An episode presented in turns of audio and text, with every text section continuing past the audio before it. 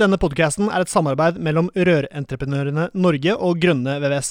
Felles for både Eli og meg er at vi brenner for rørbransjen, og vi ønsker å dytte bransjen i riktig retning.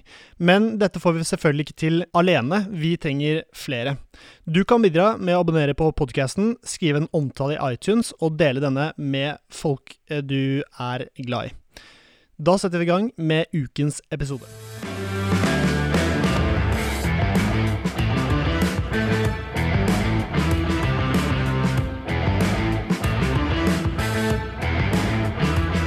Hei, hei, og hjertelig velkommen til en ny episode av Bare Rør med Eli Hermine Herdal Eide fra Rør-Norge og Severin Poppen mitt her fra Grønne VVS. Eli, du er nokså snill, og jeg syns jeg er nokså snill, jeg også. Vi har jo Norges hyggeligste håndverker. Det, det, er bra å være, bra å være snill. Um, men det er ikke alltid like greit uh, å, være, å være snill. Nei, det er veldig Altså det høres jo fælt ut. Jeg har alltid lært at liksom, hvis du er snill og grei, så går det bra. Men er det en ting som ikke går bra, er hvis du er snill og grei mot de feil folk eh, og i feil situasjon. Eh, og i jobben min i Rør-Norge så opplever jeg at folk ringer til meg og er ganske fortvila, for at de har vært kanskje veldig greie, syns de sjøl, mot noen. Og så får du den i bakhuet som en skikkelig rekyll, og det kan bli både dyrt og vondt og vanskelig. Eh, så i dag skal vi snakke litt om det der at det å være en profesjonell rørlegger innebærer at det, det kan hende du ikke skal være så grei noen ganger. Ja. Uh, da gjør du deg sjøl en bjørnetjeneste. Og en bjørnetjeneste lærte jeg for noen år siden at det er mange som ikke veit hva er. Jeg har nemlig, En av barna våre kom og lurte på om ikke jeg kunne gjøre det med en skikkelig bjørnetjeneste.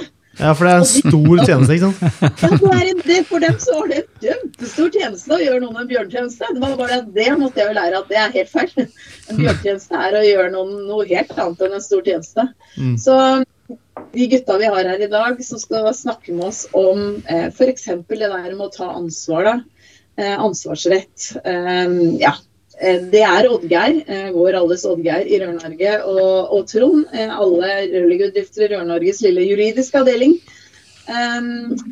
dette her temaet, Severin, dette er bare så gigasvært at vi kommer ikke til å klare å dekke det her i dag. Da kommer vi til å sitte her i flere uker. Men jeg tenker at dette kan være en sånn type wake-up call da, i forhold til at uh, dette her må man faktisk lære seg mer om. Jeg mm. tror ikke du kan om det heller, Severin? Nei, jeg kan en uh, god del, men uh, jeg kunne sikkert hatt Jeg har godt av en pod. Jeg tror jeg har godt av en gjennomgangspod nå. Så vi bare kjører på. Og ansvarsrett. Oddgeir, du er jo en, en, er litt av gud på ansvarsretten. Kan ikke du bare starte med å forklare hva som er viktig, eller bare forklare hva en ansvarsrett er i første omgang. Ja, Om det var med Gud, det skal være usagt. Men jeg vet Det er mine ord. Ja, greit. Ja, uh, I alle fall vet litt om det. Altså, å erklære ansvarsrett uh, gjør du som rørlegger på en teknisk installasjon når et, en jobb er søknadspliktig, rett og slett. Mm. Og en søknadspliktig jobb det, det, er regulert i plan- og bygningsloven, paragraf 21 for å være nøyaktig. Og det bør eh, og skal alle rørleggere kjenne til. Og så er det sånn, jeg skal ta et eksempel. Vi har en sanitærinstallasjon i, i en ny villa enebolig, hvor uh, rørlegger har ansvar for utvendig stikkledning og sanitærinstallasjon. Mm. Da er det sånn at rørlegger erklærer ansvarsrett til ansvarlig søker. Uh, da er det viktig å splitte opp de to ansvarsrettene, én for utvendig og én for innvendig sanitær. Fordi i kjølvannet av en ansvarsrett så skal du også sende inn en samsvarserklæring når jobben er ferdig. Og da kan det hende at de utvendige ledningene er ferdig på høsten, og så starter bygging på våren. Mm. Og da er det viktig å gjøre ferdig jobben når eh, papirmessig også med samsvarserklæring. Mm. Så er det sånn at uh, erklæring om ansvarsrett sendes til ansvarlig søker. Som regel arkitekten. Rørlegger sender inn til ansvarlig søker. Ansvarlig søker samler alle ansvarsrettene mm. og sender inn til kommunen. I en felles søknad og i en såkalt gjennomføringsplan som ikke rørleggeren har noe med å gjøre. Gjennomføringsplanen er bare oversikt over alle som har ansvarsrett. Kommunen svarer ansvarlig søker og sender melding til ansvarlig søker. når søknad er behandla og igangsettingstillatelse er gitt. Nå snakker vi om utførelse. Mm. Det er en litt annen prosess når det gjelder prosjektering. Uh, ansvarlig søker uh, skal da formidle til alle som har erklært ansvarsrett, at nå kan vi gå i gang med jobben. Vi har fått tillatelse fra kommunen. Og det er veldig viktig for eh, rørleggeren å si så flott kan vi få en dokumentasjon på igangsettingstillatelsen fra kommunen. Fordi det kan jo hende at ansvarlig søker tar en snarvei, f.eks. Har ikke fått godkjenning fra kommunen. Det hender. Vi har hatt eksempel på det. Og da uh, Rørleggeren vil jo være snill, som regel. En telefon og si at du bare starter, jobben er klar, og det er ikke sikkert at du må få tillatelse. Mm. Sannsynligvis er det det, men be om dokumentasjon på IG, som vi kaller det for igangsettingstillatelse. Så har du alle kort på det rene. Mm. Uh, vi har ikke hatt eks... Ja. Kan det være så farlig, da? Er det ikke bare å begynne? Du får jo sikkert lov i neste uke eller uka deretter. Ja, nei. Hva er konsekvensen hvis du bare begynner litt tidligere, da? Det som er konsekvensen, som vi har hatt dessverre eksempel på uh, av våre, fra våre medlemsbedrifter, hvor et bygg ikke har fått tillatelse til å starte opp, faktisk. Og så har man tatt en snarvei, vår rørlegger har starta jobben, så får man tilsyn fra kommunen. Mm. Og så viser det seg at oi, her er jo ikke tillatelse til å bygge satt i gang. Mm. Og hvem får blemma da? Jo, vår rørlegger. Hva, hva, ja. Konsekvensen er at du mister f.eks. sentral godkjenning, eller du får en stor ripe i lakken eh, med å kunne erklære ansvarsrett i seinere tid. Mm. Og vi hadde eksempel, vi hadde et eksempel blant annet, ja, vi har flere. Hvor vi har slitt med at bedriften ikke skulle Seriøse, gode bedrifter som da har hatt trøbbel med å kunne erklære ansvarsrett. For de mista renommé, godkjenning, og fikk en stor ripe i lakken. Mm. Med bakgrunn i at de var snille, mm. rett og slett. Mm. Konsekvensene kan være store. Så husk Be om igangsettingstillatelse før du starter opp. Få mm. kopi av den. Men hva søren gjør den tredjeparten eh, fra kommunen eh, når de skal ut og se på hva er det deres oppgave er? Ja, du kan si tilsyn. Da er det første spørsmål hvor det er igangsettingstillatelse. Hvor det er tillatelsen til å få føre opp det bygget. Mm. Det er nummer én. Og kommunen kan også føre tilsyn med at eh, bedriften dokumenterer i henhold til spillereglene som gjelder kvalitetssikringssystem, f.eks. Mm. Kan be om dokumentasjon, fordi kommunen er den lokale myndigheten, rett og mm. slett. For å se om bedriften eh, oppfyller det de har sagt de skal oppfylle når de har fått påtatt seg en ansvarsrett. Mm. Viktig å være nøye med akkurat det. Mm. Så er også viktig å huske på at den ansvarsretten er klart, da, den gjelder da faktisk i fem år etter gitt ferdig test. Ja. Så fem år er lang tid i forhold til at det kan komme tilsyn en gang. Hvis noen sier at det er noe som kanskje ikke er gjort riktig, så kan kommunen komme på besøk, tilsyn, og da ser man på hvem som har erklært ansvarsrett for ja, inntil fem år siden. Mm. Og finner feil da, så går det på den ansvarlige utførende. Ja, som kan være rørende. Det er fint du sier det, for nå kom vi plutselig på at vi hadde også en annen bedrift da, som da var ferdig med jobb, faktisk. Og så fikk man tilsyn i ettertid, hvor eh, det var fra DBK, faktisk. Mm. Direktoratet for byggkvalitet. Mm. Kan vi få se dokumentasjon på det prosjektet som eh, er avsluttet? Og da hadde bedriften ved et uhell pælma alt Det var et uhell. Mm. Av sjekkliste, tegninger og alt som tilhørte prosjektet. Mm. Det firmaet klarte vi ikke å hjelpe fra å miste sentral godkjenning for ansvarsrett. Ja. Kunne ikke dokumentere at de hadde gjort det de skulle. Det var et uhell, men det var jo, sånn skal ikke skje, rett og slett. Får nesten yrkesforbud, da. i verste. Altså, det, er ja, det var, det var, store konsekvenser ja. for det firmaet. Ja, så gøy, da. Greit, nei, men da har jeg lært, eh, lært, Det er viktig å få påminnelse på da, hva som eh, kan gå, gå gærent. Men da er det altså eh, før du utfører et arbeid, når du har skrevet under på en samsvarserklæring, så få en IG, igangsettelses... Hva kaller du det? Igangerklæring? Igangsettingstillatelse. Det kan også være en vanlig byggetillatelse hvis det ikke er totrinns, men uansett få dokumentasjon på at kommunen har godkjent oppstart på arbeid. At kommunen har gitt tillatelse til å gå i gang med ja. prosjektet. Så du kan si at samsvarserklæringa, det, det, skal du sende inn når jobben er ferdig. Ja, ja ikke mm. sant. ja. Mm. Men du må, du må forvisse deg om at uh, ansvarlig søker har fått igangsettingstillatelse. Ja, nettopp. Ja, mm. det er poenget. Ja, greit. Um, jeg tenker, det her er i hvert fall min erfaring da, etter nå å ha jobba i Rør-Norge nå snart i tre år. Eh, på det med sånn byggesak, eh, regelverk her med TEK17, sak 10. At det er litt sånn, litt sånn fjernt, distansert da, for mange. Man jobber med det ofte, sånn, jevnlig på byggesaker. Men at det er litt sånn papir man bare sender inn uten helt å skjønne konsekvensen av hvor viktig det er som Oddgeir sier, er riktig. Mm. Det må definere hva du skal gjøre, og hva du ikke skal gjøre i forhold til ditt prosjekt. Mm. Eh, beskrive godt eh, hva, hvor starter vårt ansvar, og hvor slutter det, ikke minst. Eh, så du vet hva du skal stå for. Ja. Eh, så, ja. Kjempeviktig det du sier, Trond, at vi er nøye med å avgrense akkurat det som er mitt ansvar. Rett og mm. slett. Eller mm. bedriftens ansvar. Ja, og tilbake til det med å være snill og ditt eget ansvar. For det er jo ofte man det er, det er noen ganger man kan bli satt i situasjonen der hvor man vil eh, ta over arbeid eh, for et annet eh, firma, f.eks. For, eksempel. for det er kanskje et firma hadde gått uh, konk, eller de bare har hatt et dårlig forhold med kunden. Så det er noen som må ta over jobben. Hvor dårlig er det, idé er det, Oddgeir?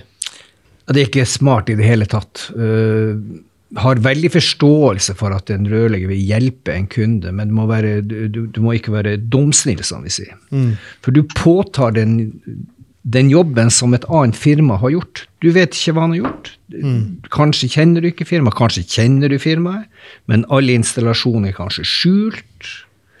Så vårt uh, råd til bedrifter er at man ikke påtar seg ansvar som andre har utført. Mm. Så da er man ansvarlig overfor forsikring, overfor myndighetene. Og er det noe som er gærent med installasjon, så blir du i verste fall avskiltet, for å bruke det begrepet. Mm. Ikke bare det at kommunen kan komme på tilsyn etter år tre eller fire og si at her er det jo flere ting som er feil i forhold til krav etter TEK 17. Mm. Det må du utbedre, reparere. Du har klart ansvarsrett her. Hva det koster, det bryr ikke vi oss om, men du må bare utbedre det her før vi kan godkjenne det her og gi en uh, ferdigtest på det. Mm.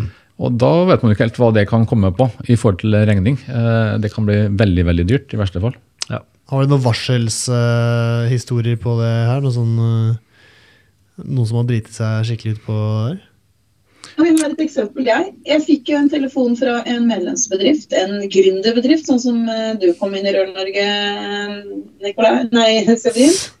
Han fortalte at han hadde en oppdragsgiver som han håpa å få masse jobber av i framtida.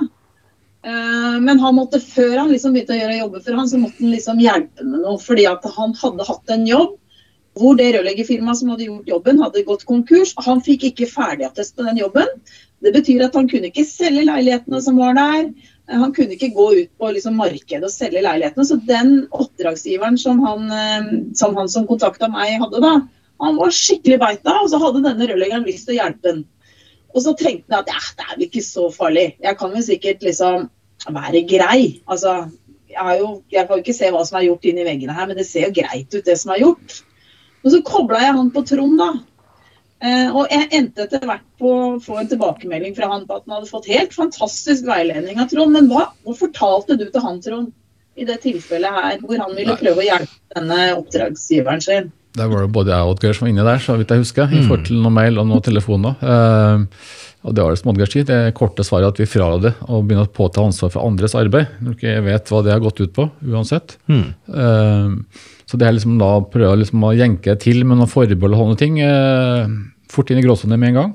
Mm. Og det er ikke minst med forsikring også. Hvordan slår det ut eventuelt hvis en uh, mulig vannlekkasje her, da, og hvor du har påtatt ansvar for andres arbeid? Eh, regresskrav der. Så ja, det var det egentlig en klart råd bare å ikke gjøre det her. Eh, ikke påta ansvar for andres arbeid. Og så får jo den huseieren eh, løse det på annet vis, da, men ikke, ikke vær snill. For det han sa var at um, han hadde fått litt hjelp av deg, sånn at han kunne kanskje finne en løsning der hvor det forrige rørleggerforetaket uh, beholdt ansvarsretten sjøl selv, selv om den var konkurs, og så fram til dokumentasjonen var foretatt, sa han. Altså at de kunne klare å, Betydde det at de kunne klare å avgrense det arbeidet han skulle gjøre, og det han forrige hadde gjort, da, eller? Ja, det tror jeg ikke var inne på akkurat detaljene på den saken der, men det firmaet var jo konkurs. Eh, om det firmaet da kunne ha rekonstruert eller erklært noe for ansvarsrett, det er jeg ikke sikker på. Sånn i forhold at Firmaet er jo konkurs, og da er det ingen som lenger kan ja, utføre noe. Da måtte man snakke med bobestyrer i forhold til å få det prøvd og avgitt noen form for eh, samsvarserklæring på den jobben som er gjort. Men det var ikke tematikk. i og med at De kom ikke så langt. Fordi jeg sa at ikke gå videre med det her i forhold til å hjelpe den kunden der. Det som egentlig det betyr, da, Trond, er at eh, det å eh, sitte der som leder av en rørleggerbedrift og lure på liksom, fader, hva gjør jeg nå? Det er ikke verre enn at det går an å snekre sammen en mail og forklare problemstillingen og så sende den til deg. Er det sånn det funker?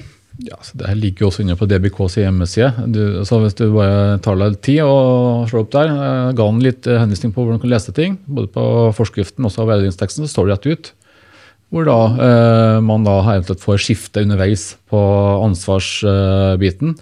Og det er jo et system på det. at Da, okay, da er det en som går ut, og så kommer en ny inn. Så må man passe på den grenselinja der i forhold til hva starter vi med av mm. ansvar, i forhold til hva vi skal ta på oss av ansvar eller arbeid. og hvor slutter vårt ansvar?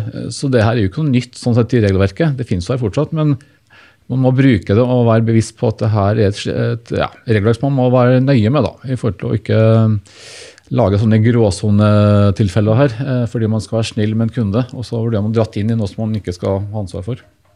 Mm. For en bygg han, han medlemsbedriften sa da, nå leser jeg fra meldinga, så står det det er ofte samvittighet og empati som styrer når det blir hett rundt en kunde. Og som Trond sa, at det lureste er å være profesjonell og faktisk gjøre og si det som er juridisk riktig. Om det er å si nei til å skrive under på et papir eller referere en kunde til en klagenemnd. Eh, hvis de er uenig i min oppfattelse, så er dette en smart måte å jobbe på. Altså, det er tydelig at han, eh, han, følte at han hadde fått litt sånn Jo, men Vi skal snakke litt om det med at han ville lære seg litt om akkurat det med ansvarsrett. Også for uh, fremtidige oppdrag. sånn å vite liksom hva skal han gjøre i sånne situasjoner. Så han var litt sånn nøye med det at ok, uh, her må man på lese meg opp på ting og være bevisst på hva jeg kan si ja til og hva jeg skal si nei til. Så, så Sånn sett var han veldig lydhør på det. Men det dere sier da, er at hvis du går inn på DIBK, altså Direktoratet for byggkvalitet sine nettsider, altså dbk.no, så står det der i forhold til ansvarsrett, står det ting du trenger å Er det der det står det du trenger å lære deg, hvis han skal lese seg opp, Trond? Ja, der ligger det mye. Det vet Oddgeir også. Så mm. Det er en veldig god Eh, for da har du forskriftene i både sak 10 og tekst 17 med veiledningstekst på hvert enkelt eh, paragraf. Hvert enkelt ledd kan du bare klikke på, og så får du opp ganske mye informasjon på hvordan du skal forstå det her. Så, så det ligger mye der, egentlig, som du ja. kan bare lese på. Eh, men du må ja, vite hvor det er. da. Men Oddgeir, bare et lite sidespor. Lærer du om noe av dette her på noen av de bas- eller prosjektlederkursene som du arrangerer? Ja, vi toucher så vidt innom det på basekurset, men du kan si eh, på mesterutdanninga er det ganske uh, uttømmende. Uh, teknisk fagskole osv. Og, mm. og vi har jo selvfølgelig, når vi har oppdatering, vi kjører jo en del internkurs. Og vi har snakka om å kjøre et lite webinar faktisk nå om det. De tirsdagswebinarene. Det skal vi gjøre nå her i mai, husker jeg ikke helt feil. Eller, kan vi ikke fortelle hva det er med det samme, forresten? For at annenhver tirsdag Trond og Oddgeir, så kommer det sånn webinar på, som Rør-Norge har. Hva, fortell hva det er, sånn at folk kan følge med på det òg. Nå kommer podkasten hver mandag, men annenhver tirsdag er det også noe happening. Ja, Nå skjer det mye, altså. Det er nesten, ja, Ikke daglig, men i hvert fall ukentlig. Ja, Vi har jo et sånt eh, miniseminar, eh, webinar, som nå går våren 2022. Hvor vi har mm. satt sammen et eh, program på aktuelle temaer. Noe kjører vi i egen regi, og noe har vi hjelp fra både fra BNL og Help og, og Gjensidig forsikring. Mm, mm. Uh, og i morgen skal vi faktisk ha om ferieloven og alle ting. Uh, der kommer advokat fra BNL. Men er nok allerede forbigått når de folka hører den poden her, altså. Ja, det kan være. Okay. Ja. Alle på ferie. Men uh, ja. Nei, litt, litt, tilbake til det med, med, med, å være nøye med ansvarsretten. Jeg skal ta en par andre eksempel. hvordan er gangen? Det hender jo at en rørleggerbedrift f.eks. erklærer ansvarsrett på et uh, større bygg, så var det en rørlegger som ringte til meg, en av våre medlemmer, så sier han Oddgeir, nå skal du høre her. Vi kjørte forbi et bygg som er erklært ansvarsrett på. Det bygget var jo godt i gang, og vi skulle ha rørinstallasjonene på det bygget. Jaha, sa jeg. Hva skjer? De har starta, så har de engasjert et annet firma til å gjøre jobben. Hva gjør vi? Da begynner han å spole litt tilbake, og det viser seg at det firmaet som er gått i gang, det var en sånn smartelus, som vi kaller det, for av en byggherre, kanskje, eller en sånn ansvarlig søker. Mm. Engasjerte et annet firma som jobba på hans ansvarsrett, mm. uten at han visste om det. Oi, såpass. Ja. Hva gjør EOADG? Det første du må gjøre, du må sende inn eh, en beskjed til kommunen. Vi har nemlig også et skjema fra DBK sin portal, mm. Også i våre systemer, som heter opphør av ansvarsrett. Mm. Vær litt obs på det. Mm. Så, så, ansvarsrett er mer enn uh, den, den, må vi ta veldig alvorlig. Mm. Et annet eksempel kan være det her med å begrense ansvar, som Trond var inne på. Hvis du har en uh, en huseier som da skal få vanninstallasjon på et svært bygg, så hender det jo at uh, man sier at ok, vi skal vente med å innrede den toppetasjen. Og der har vi planlagt å ha et bad eller noen installasjoner i fremtida. Så det rørleggeren skal bare gjøre, du skal bare plugge vannledningen i gulvet og terse avløpet, så, så, skal vi ta det badet litt seinere når vi får litt mer penger. ikke sant? Det kan være en typisk sak. Og da er det dødsviktig for rørleggeren at han avslutter i samsvarserklæringa som man sender inn til kommunen, og poengterer at uh, inntil stengeventilene og, og tersinga, så var det mitt ansvar. Mm. For det som kanskje, og som har skjedd, det at eh, huseier han får litt mer penger om et halvt år, et, et års tid, og så begynner han å mekke sjøl på de tingene her. Mm. Og fullføre det badet. Så får man kanskje en lekkasje på det man har gjort. Og så kommer eh, kommunen inn i bildet for å sjekke at alt er i orden. Og så begynner man å spole tilbake på byggesakspapirene. Og så ser man det var jo den rørleggeren som hadde jobben der. Mm. Går man inn i dokumentasjonen, og hvis ikke rørleggeren da har poengtert akkurat det, så sliter han med å ha påtatt seg ansvar som andre har gjort. Mm.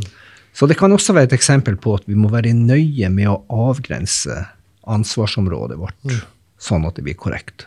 Det var det du var inne på. Ja, nei, det er helt enig med Olgar si. Det med opphør også ansvarsrett. da. Enten er det at man ikke er ferdig med jobben av ulike årsaker, men i hvert fall da passe på å si at her stopper vårt ansvar i forhold til mm. det vi har utført. Eh, eller at man da sånn sett eh, også om man er ferdig, passer på å beskrive da hva vi har gjort i forhold til å ikke bli hengende med noe sånn mer arbeid som er gjort etter at man har forlatt eh, prosjektet. da. Mm. Og så dukker det opp en sånn eh, spørsmål i etterkant. Eh, da må man være pille nøyaktig på hva man har skrevet i de dokumentene til kommunen. Mm. Så det der tror jeg vi kan gjenta og gjenta, for det er kjempeviktig å bare ha det med seg i ryggmargen for alle rørleggere. Også når det gjelder det her med byggesak, ansvarsrett, og mm. det med ikke slumse med det, men være nøyaktig på det man har utført og skal utføre. Hvor starter det, og hvor slutter det? Og det vi påtar oss rett og slett som ja. bedrift. Mm. Viktig. Ja, skjønner skjønne at det her er et ansvar, som man sier, jeg sa i staten. Du det sitter med ansvar her da inntil fem år fra en mm. ferdigtest. Og det kan bli tilsyn, og det kan bli store ting. Og jeg har jo vært borti lest om rettssaker hvor det her ble veldig veldig stygt. Mm. Det var det en ansvarlig søker. da, Han gikk konkurs, han ble sittende med et ansvar her. Og det var opp mot byggesak og ansvarsrett-tematikken også. Hvor mm. det var gjort masse feil på et boligprosjekt. Og så gikk man da faktisk på ansvarlig søker, som ikke har fått belagt ansvar på alle områdene. Mm. Han hadde ikke gjort jobben sin som ansvarlig søker. Han ble saksøkt, og han tapte. Mm. Og gikk konkurs etterpå. Mm.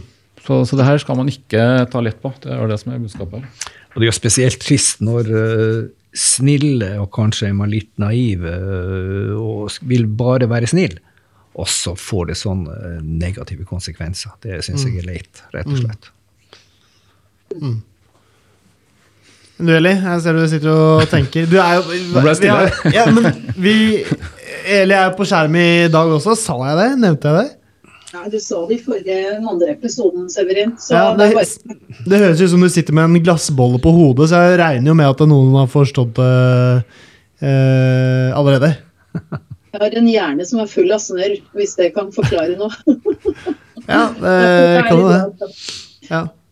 Men nei, altså jeg sitter jo og tenker litt, fordi at det, det er jo mm, jeg tror veldig mange har et litt sånn distansert I hvert fall de som jobber på servicemarkedet, har nok et litt sånn distansert forhold til hva er dette med ansvarsrett og alt det greiene der. At det er litt sånn fjernt.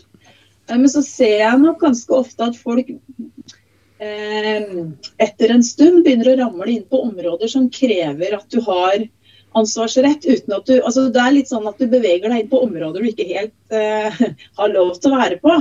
Og det er det, det er å finne de der klare linjene Eh, for liksom, når er det du begynner å nærme deg områder som det er ansvarsrett? Jeg veit ikke om det er noen sånne Jeg veit at nybygg er litt sånn Det kan du bare holde deg unna hvis du ikke er mester i utgangspunktet, sånn som jeg tenker. Mm. Eh, for da må du på en måte dokumentere at du har den og den tiltaksklassen. Mm. Eh, men er det noen andre sånne farebjeller som burde begynne å ringe, Oddgeir og Trond? Eh, i forhold til at du jobber da, på servicemarkedet. Og så blir du etter hvert da en som er i kontakt med mange. ikke sant? Du får, plutselig så får du spørsmål fra en på en næringseiendom om de ikke kan begynne å komme og gjøre noe på den jobben. Og når er det liksom du begynner å tråkke inn i ting du egentlig ikke skulle drive med, tenker jeg sånn Kan jeg, kan jeg hvis jeg hadde, kan Severin, da, nå er han mester, men si en som jobber på servicemarkedet med kun et svennebrev, da kan vedkommende f.eks. ta på seg og drive og gjøre noen utskiftinger på et springtilanlegg? Eller dra på et næringsbygg og de skal bare bytte, flytte om på noen vegger, så jeg driver og flytter noen ventiler i taket, eller Bore gjennom den veggen der. Bryte deg ned bransjer her. Mm. Jeg er ikke sikker på om alle har et bevisst forhold til f.eks. brannceller engang. Altså, jeg vet ikke, Du lærte veldig mye om brannceller Severin, når du gikk i læra. Det burde man kanskje lære, og kanskje burde man ha lært det, for man har sikkert kunnet lese det et sted. Men det er en del sånn Jeg er redd det er en del som helt uten vond vilje er på områder de ikke burde vært på. Jeg kan, jeg kan innlede litt på det, og sånne tanker som jeg har med, med det. altså når det gjelder servicearbeid, f.eks., så noen ganger så er det lurt å ikke påta seg en dritt i eksisterende bygg. For du vet, begynner du å tukle med det gamle anlegget, så raser det. Mm. Det kan få store konsekvenser. Det, det, er liksom en sånn, eh, det kan være én situasjon. Eh, når, når, det gjelder ulike typer anlegg, du nevner sprinkler, Eli. Det skal vi ha litt respekt for, fordi at eh, skal du begynne å bygge om sprinkler, så bør du være kompetent. Du bør eh, kjenne til regelverk med hensyn til avstand av type bygg, brannklasser, risikoklart, alt det styret der. Så det er ikke gitt for alle å holde på å jobbe med sprinkler. Så det, det skal man ha respekt for. Når det gjelder servicearbeid på det som et svennebrev skal dekke, en sanitærinstallasjon, så kan du gjøre mye innenfor ei branncelle, som vi kaller det for. Men så fort du begynner å eh, bore gjennom en branncelle, f.eks. i en boligblokk, så skal du skifte sluk i eh, badene i et femetasjes bygg. Da er det søknadspliktig så fort du begynner å skal skifte den sluken, for da bryter du branncella. Mm. Og da skal det nøye jobb for å tette den, sånn at hvis det blir brann, at ikke den sprer seg. Det er bakgrunnen for at det er søknadspliktig. Mm. Og vi har eksempel på dessverre uheldige sjakter som ikke er tetta forsvarlig pga. at man ikke hadde hensyn til det. Mm. Enorme konsekvenser. Vi har til og med hatt dødsfall pga. brann har spredd mm. seg. Men vi kan gjøre mye innenfor en branncelle. Det kan vi gjøre. Men det forutsetter jo at vi har kompetanse som har et svennebrev, f.eks. For, for aktuell installasjon, vil jeg mm. si. Mm. Så det vil i så fall være ja, Hvis du er ute på service og skal gjøre en eh, Skal f.eks. legge et kjøkken fra der det er nå, og inn på et uh, soverom, da, f.eks. Og så ender du med å bore gjennom veggen. Det var en branncelle. Og så har du ender med å faktisk måtte søke opp problemet her. Da. For mange tror jeg at det, hvis du har gjort den feilen, så er jo søknaden den er jo, kan være tidkrevende og kan være nokså nok så dyr da, hvis du setter den bort. Mm. Så det å vite om det, det er jo viktig, for enten så blir det kjempedyrt, eller så vil det ha kanskje konsekvenser, da, i, hvis det skjer, hvis det oppstår en brann f.eks., og du har uh, driti på draget og åpnet et sted det ikke burde vært uh, åpent. Ja, helt klart. Mm. Og så er det også en Severin sa det. Nå sa du noe som liksom da Drite på draget. Klokker som bjella oppi på meg nå plutselig.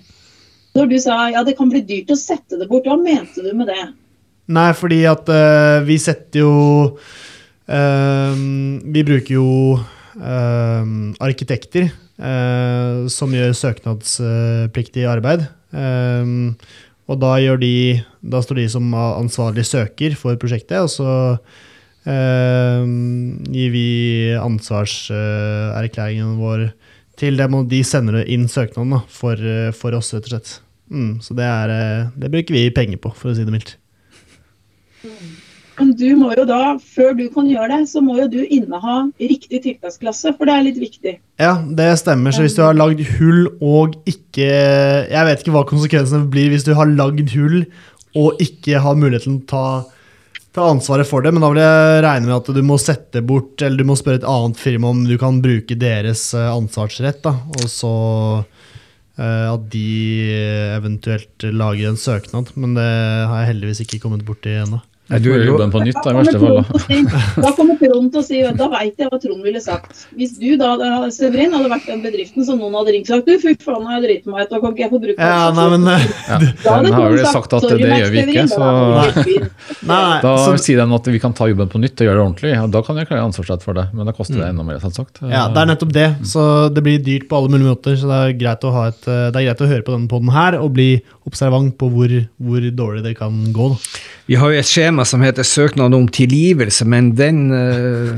må det jobbes litt med for å få uh, tillatelse til, for å si det sånn. Så ja. jeg ville kanskje brukt en av de andre. Ja, herlig. Men en, en, liten sånn innspill når det gjelder service, det syns jeg også er interessant. Vi diskuterer i disse dager dette her med vannskadesikring, automatiske lekkasjestoppere, som også har vært en pod på tidligere, mm. så er det en fin balanse mellom eh, når det anses for å være servicejobb, og når det anses for å være en ny installasjon, f.eks. på kjøkken. Mm. Så der er det en fin balanse når det gjelder f.eks. Eh, vannskadesikring ved rehabilitering av kjøkken. Mm. Så hvis du ikke rører røranlegget og bare skifter ut komponenter, er det mm. greit.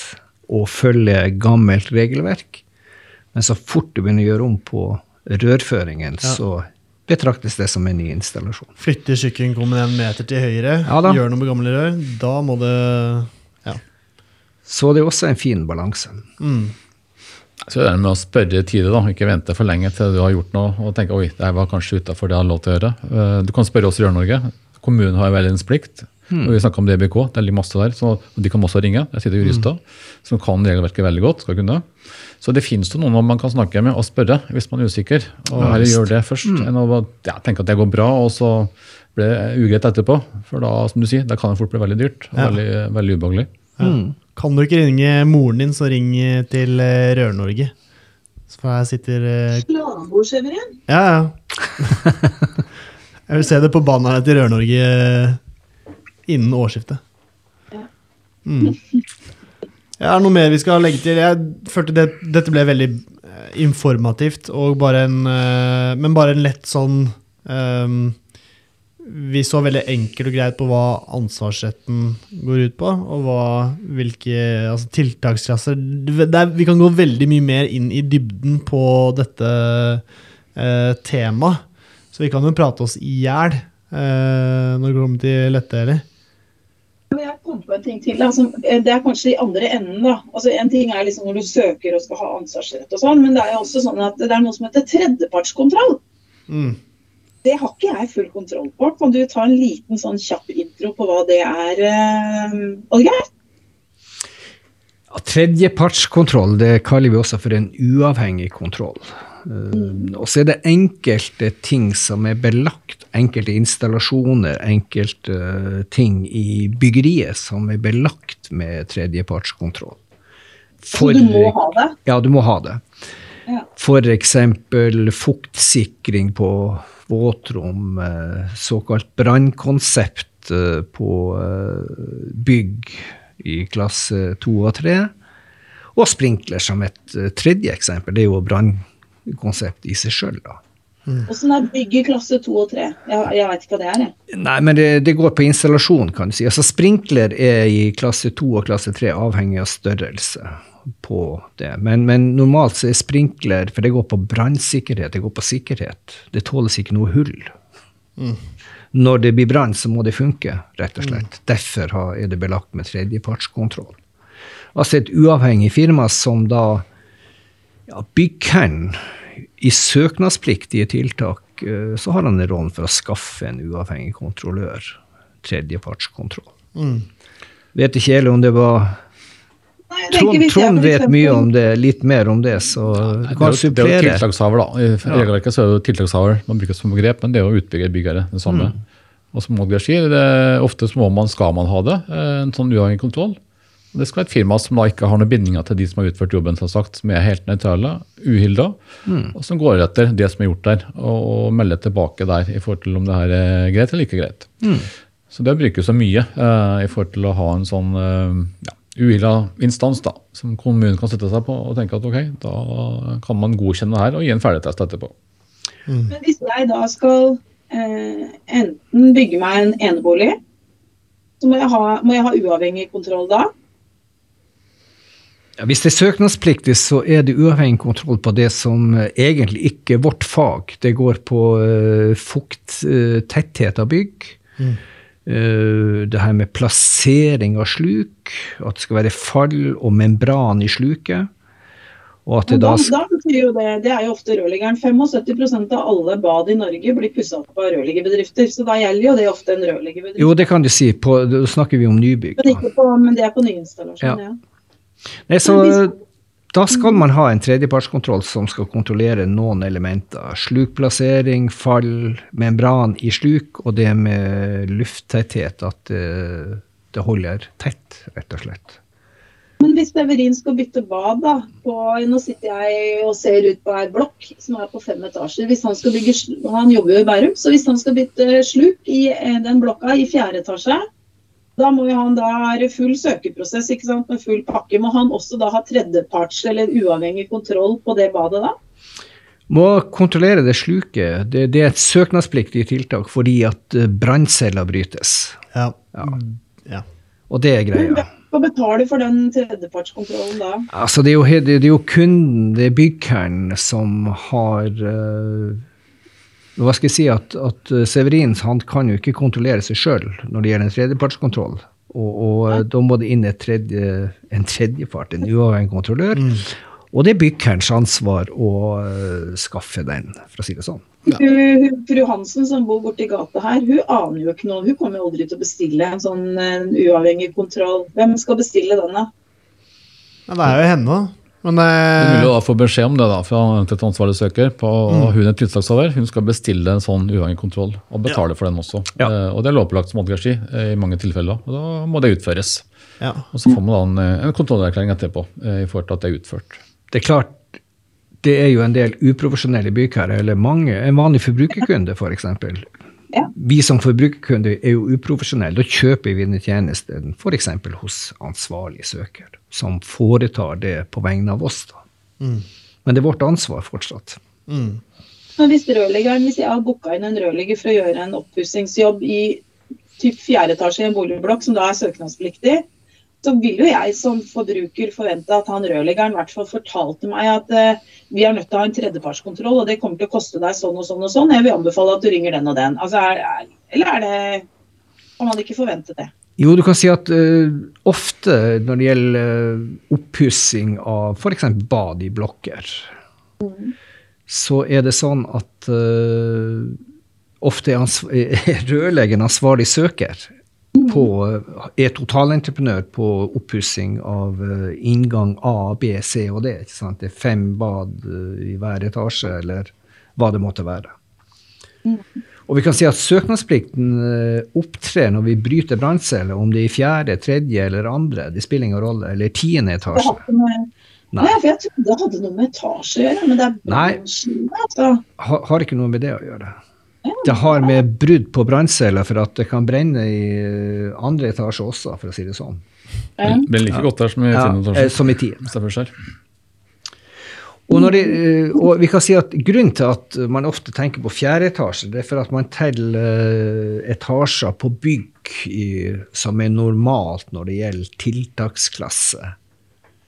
Bygg, ah, så jeg blanda det med det. Ja, bygningsmessig. Men, men, der er det også litt viktig å være oppmerksom på at ja, Eksempel på tiltaksklasse to for et uh, bygg er når det er større enn fire etasjer. Mm. Ja. Femte etasje. Da går det på høyde på den bygningsmessige biten. Mm. Men det man ofte gjør, man blander inn bygningsmessig med tekniske installasjoner. Mm. At uh, det er jo ikke noe mer komplisert å legge et uh, rør i femte etasje enn å legge det i første. Mm. I prinsippet. Der har vi en del saker at man har misforståelse av at man setter for høy tiltaksklasse i forhold til våre installasjoner. Det har vi mange eksempler på. Ja, nettopp. Mm. Jeg hørte noe om at grunnen til at du måtte ha høyere tiltaksklasse hvis det var i fjerde-femte etasje i et bygg du skulle gjøre noe, enn om det var et ettetasjesbygg, var at det fikk større konsekvenser hvis det ble en feil. Er jeg helt på jordet nå? Det høres, jo, det høres, jo, logisk ut hvis vi tenker på vannlekkasjer. Ja. Men i prinsippet så, så, så, så, omhandler det ikke det. Altså. Det, det kalles for, altså for et bygg når det gjelder eh, klassifisering av installasjoner og godkjenningsområder på de ulike ja, tidsklasser, kan vi si. Da skal det gjennomføres en såkalt Nå blir det veldig sånn detaljert, men uh, en såkalt tiltaksprofil. Dvs. Si at uh, tømrerarbeid har klassifiseres i klasse 2 for bygget er, er av tre mm. og er fem etasjer høyere i klasse 2. Mm rørinstallasjonen i klasse 1 fordi at den er ikke mer komplisert i femte enn i første. Men dette her betyr jo egentlig det ja. at hvis du går rundt og tenker at å, fy fader, jeg er så flink rørlegger at jeg er nødt til å begynne for meg sjøl, for at eh, jeg er så god til å skru, så er det vel kanskje en del andre ting du må kunne i tillegg, da, som du kanskje ikke veit om. Eh, for dette tror jeg veldig mange får som en sånn liten sånn der, midt i trynet når de er godt i gang med å drive et firma. Var du veldig forberedt på alt det her, Severin? Uh, nei, jeg visste en god del om, uh, om, det. Men det er jo klart man får uh, Man lærer som man holder på. men jeg tror hvis man sikter seg inn på um, ja, mye, Hvis man sikter seg inn på nybygg, så burde man jo definitivt kunne mye om det der. Da, men da har man også lært en, Da burde man jo kunne med, mye mer av det utførende arbeidet også. Altså, da had, har du jobbet mye mer med det tidligere, og da har du også lært deg um, lært deg hva som må søkes om, og hvilken tiltaksklasse osv.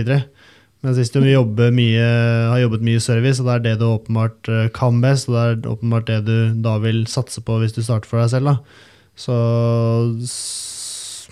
ja, så kan du ikke så mye om tiltaksklasser, men da er ikke det like nødvendig. så jeg bare kjenner jeg får litt sånn Jeg synes det er Altså jeg sitter jo og hører om dette her mye via jobben min. Og jeg, jeg driver jo ikke bare med det, men jeg syns det er ganske mye å sette seg inn i. Ja, definitivt. Det kan jeg skrive noe på. ja, Det er komplisert. Men det er jo et regime her da, som er liksom, det ligger en logikk bak det. i forhold til da å lage, eh, Sånn var det jo ikke før. Mm. Da var jo kommunen på tilsyn selv sant? og var ute og kontrollerte, men det er jo slutt på. Nå erklærer man ansvarsrett, og da tenker kommunen ok, da har du sagt at du utfører jobben her riktig i til TEK 17 bl.a. Mm. Ja, og vi stoler på det. Eh, og Vi kan komme på besøk og sjekke at du har gjort ting riktig, og har du ikke det, da må du rette på det. utbedre. Mm.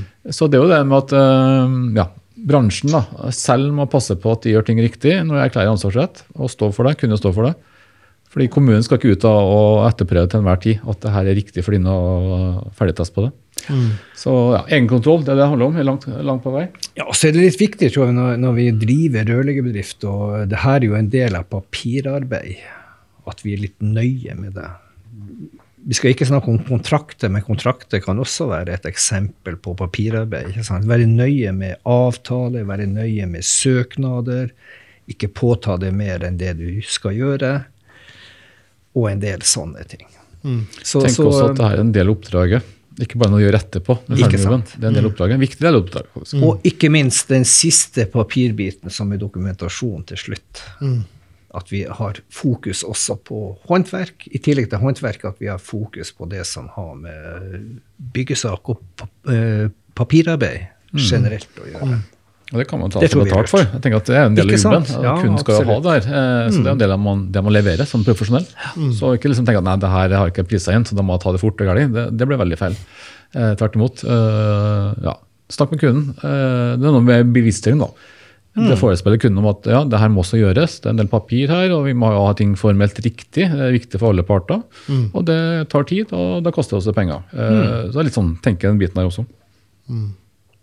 Og det har kunden forståelse for. Jeg tror det, altså. Ja. Forklare det. Ikke kom etterpå at du, du unnskyld, men vi glemte å ta med noen timer på det her. Må, da blir det en litt sånn dårlig kundeopplevelse fort, ja. tenker jeg. Ja. Det viktigste er å få det gjort, og gjort riktig.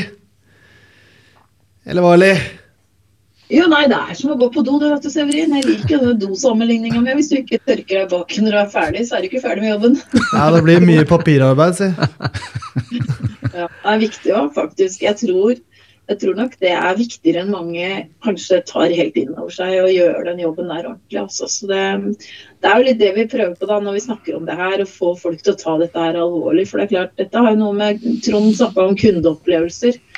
Um, alt det vi driver med i denne bransjen henger jo sammen. Så har vi kunder som sitter igjen med gode kundeopplevelser, så er det bra for rekrutteringa. Altså, vi som mm. jobber med det, Severin. Så alt henger sammen. Mm. Det er en viktig del av pakka. Yes. Nei, men Nydelig. Det ble langt og, langt og godt. Lærte mye nå også. Ja. ja. ja Nydelig. Nei, men Supert. Eh, takk, Trond og Oddgeir, for at det tok dere tid. Eh, det ble jo Jeg tror det ble 45 minutter. Tre kvarter Oi. Eh, såpass. Yes. Vi brenner jo for det. Tusen takk for at vi ble invitert. Vi, vi ja. Det gikk skulle, veldig fort i godt selskap går tida veldig fort. Så eh, takk for invitasjonen. Vi kommer tilbake ja. på dette temaet her, for det er et stort tema og viktig tema. Så vi må bare følge opp der videre med ja, bevisstgjøre og kurse mm. og veilede og informere våre mm. medlemmer. helt klart. Så det, ja. det er viktig. Dette er folkeopplysning. Hva sa du? Dette er folkeopplysning. Ja, folkeopplysning. Supert. Nei, men takk for eh, at dere kom. Eh, takk for at du som hører på, hører på. Og så prates igjen om en ukes eh, tid. Ha en fortsatt strålende dag. Vi prates. Hei.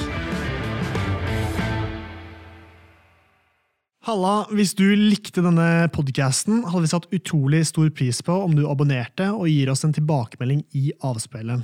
Eh, spre gjerne ordet videre til andre i rørbransjen som brenner for rørleggerfaget og er opptatt av å drive en seriøs rørleggerbedrift.